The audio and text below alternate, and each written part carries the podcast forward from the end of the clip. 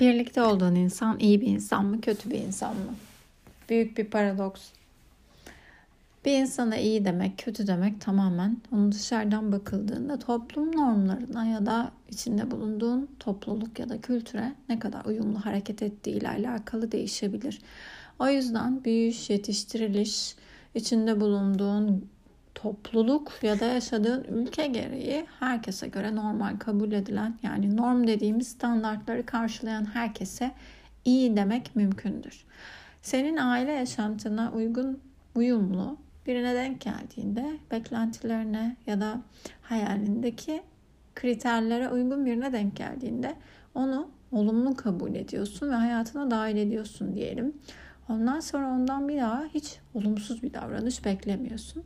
O yüzden arka planda karakterinin gizli yanlarında saklı olan, daha önce açığa çıkmamış bir şey açığa çıktığına çok şaşırıyorsun. Bunu senden hiç beklemezdim diyorsun. Halbuki herkesin içinde biraz şeytan, biraz melek, biraz iyi, biraz kötü, biraz ışık, biraz karanlık hepsi mevcut. Ama bunların oranlarına göre biz insanları etiketliyoruz. Ne kadar bize yansıtıyor, ne kadar bize gösteriyor diye baktığımızda onunla birlikte geçirdiğimiz zaman içerisinde tespit ettiğimiz davranışlarına bakarak, konuşmalarına ve diğer insanlara davranışlarına bakarak tespit ettiğimiz alanları onu tanımlamak için kullanıyoruz. Bu ne kadar gerçekçi tartışılır. Çünkü birçok insan diğer insanların yanındayken oldukça filtreli, otokontrollü davranıyor.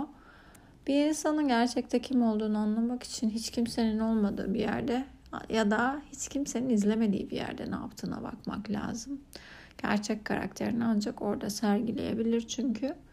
O yüzden de hmm, bir insanın iyi mi kötü mü olduğunu anlamak çok kolay bir şey değil.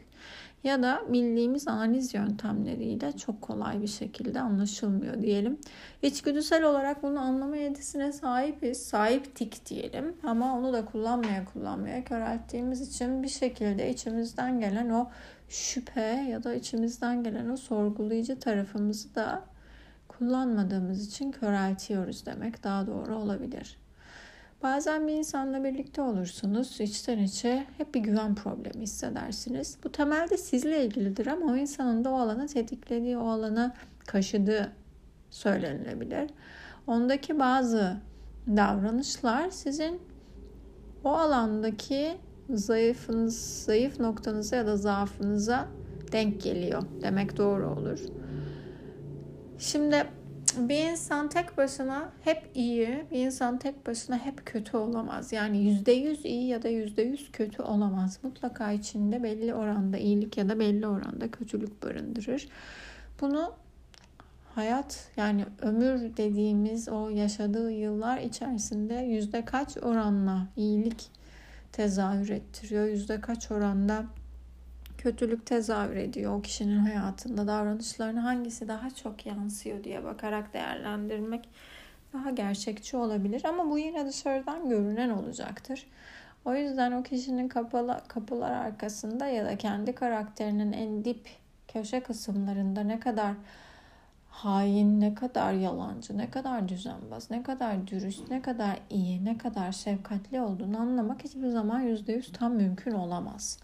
Bundan dolayı da bir kişiye bir etiketleme yapıp çok iyi bir insan, ondan sadece iyilik beklerim diye değil, şimdiye kadar gördüklerim ve tecrübe ettiklerime göre iyi bir insan ama gerekli şartlar oluştuğunda içinden bir kötülük çıkabilir diye bakmak gerekir. Böyle olunca her zaman temkin payı dediğimiz o insanın kendini güvende hissettirecek, zarar görmesine engel olacak o içgüdüsel tarafımızın aktif kalmasını sağlayabiliriz. Ama biz zihnimiz gereği, düşünce şeklimiz gereği kolaya kaçmak ve kestirme yol icat etmeye çok meraklı olduğumuz için birine ilk başta bazı kriterlerimize uyduğu için bir etiket yapıştırıyoruz. Bu çok iyi bir insan, bu çok varlıklı bir insan, bu çok cömert bir insan, bu çok cimri bir insan, bu çok ikiyüzlü bir insan gibi. Bu sıfatı yapıştırdıktan sonra da ondan onun aksine bir davranışı beklememeyi seçiyoruz. Çünkü bu işleri kolaylaştırıyor. Seçenekleri azaltıyor. o ilk yaptığımız etiketlemeden sonra onun dışındakileri elemiş olduğumuz için o kişiyle olan ilişkimizde ve diyalogumuzda o yapıştırdığımız etikete denk gelen davranışları o modele karşılayan modelleri, kriterleri bekliyoruz. O davranışları, sözleri, kelimeleri, modeli gerçekleştirmesini bekliyoruz. Onun dışındakileri de sahanın, alanın dışına atmış oluyoruz. Yani seçenekleri elemiş oluyoruz. Bundan dolayı da hayatımızı kolaylaştırmak için bu zihnimizin otomatik olarak yaptığı etiketlemeden aslında uzun vadede zararlı çıkıyoruz. Çünkü ummadığımız taşın baş yarmasının sebebi tam olarak bu etiketlemelerin yanlış yapılmış olması ya da o etiketlemeye istinaden diğer alanların tamamen konu dışı bırakılmış olması diyebiliriz. O yüzden de bir kişinin tamamen iyi ya da tamamen kötü olmasını siyah ve beyaz keskinliğinde yakıştırmak ya da karar vermek yerine herkesin gri alanında bulunmasını ve bazı anlarda siyaha daha çok yaklaşıp bazı anlarda beyaza daha çok yaklaşabileceğini kabul etmek bizi daha çok koruyacaktır. Böyle olunca yara almaya açık olmayız. Kendimizi savunmasız bırakmayız. Herkesten her şeyi bekleyebilir halde hazır bulunuruz. Bu yüzden de kalkanlarımızı ne çok ıı, dik konumda tutarız bir duvar gibi kendimizi korumak için ne de çok indiririz yelken gibi yelkenleri suya indirmek gibi şartların gerektirdiği şekilde anın gerektirdiği duruma özel tepkiler verebiliriz. Diğer türlü çok fazla savunmasız hale getiriyoruz kendimizi. Senden bunu hiç ummazdım dediğimiz çok fazla yakın arkadaşımızdan darbe almışızdır mesela ya da ilişkilerimizde e, senin yüzünden bu oldu ya da bana bunu yaptığın için seni hiç affedemiyorum dediğimiz kişilerle olan durumumuzu gözden geçirdiğimizde aslında ikili ilişkilerdeki durumu biraz daha farklı açıklamak daha doğru olacaktır. Herkesin içindeki özellikleri madde madde sayarsak bir kişideki 60 tane madde, diğer kişideki 50 tane, 30 tane madde ya da işte 100 tane madde diyelim. Kişi saat çarkı gibi, dişliler gibi ya da daktilo tuşu gibi düşünün. O kişi bir tuşa bastığında sizde başka bir tuş hareket ediyor. Yani bu tamamen etkileşim ve iletişimden kaynaklı. Onun bir özelliği sizin diğer bir özelliğinizi açığa çıkarır nitelikte. Sizde bir kaldıraç etkisi yaratıyor. O yüzden o kişiyle bir arada geçirdiğiniz zaman da arkadaşlık, dostluk, iş ilişkisi, sevgililik ilişkisi, karı koca olma hali neyse o bir tuşa bastığında sizde başka bir nota uyanıyor. Bundan dolayı da o kişinin içindeki iyilik ya da kötülük ya da herhangi bir alanın o kişinin özelliği olması evet ama o kişinin de sizin hayatınızda başka bir alana parmak basması ve tesirde bulunması sizde de tetikleyici unsur oluşturuyor. Bundan dolayı o kişi iyi, o kişi kötü. Evet, o öyle biri olabilir ama sizde ona çekim duyduğunuz bir bir boşluk var, bir ihtiyaç var, bir istek var. Ya ondaki o özellikten dolayı siz çok zayıfsınız ya çok dolusunuz bir şekilde onunla etkileşim halinde olarak o alanınızın ya neşter vurulup boşaltılması gereken bir cerahat gibi yani bir birikime sahipsiniz ya da o alanda bir eksikliğe sahipsiniz ki o kişinin hayatınıza gelerek orayı şifalandırması, o eksikliği doldurması gerekiyor. Ya da en azından o alanda bir durum olduğunu size fark ettirmesi gerekiyor. Bundan dolayı da farklı kişiler, farklı suretler, farklı özellikler, farklı kimlikler, farklı karakterler, iyiler, kötüler, siyahlar, beyazlar hep ilişki kurmak zorunda kalıyor. Çünkü bu e, hayat sadece tek bir kimlikten, tek bir prototipten var olabiliyor, sürdürülebiliyor olsaydı emin olun yaratıcı bunu o şekilde yaratıp o şekilde programlardı.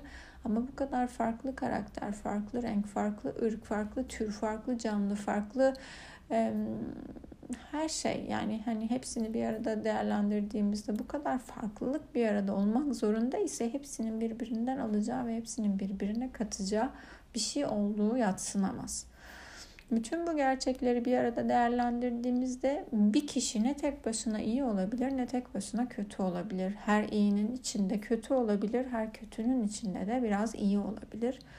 Bundan dolayı da biriyle ilişki kurduğunuzda sizi çok üzdü diye o çok her her manada tamamen kötü diyemeyiz. Sizi de acı gören ya da zarar gören taraf olduğunuz için her manada çok iyi olduğunuzu söyleyemeyiz.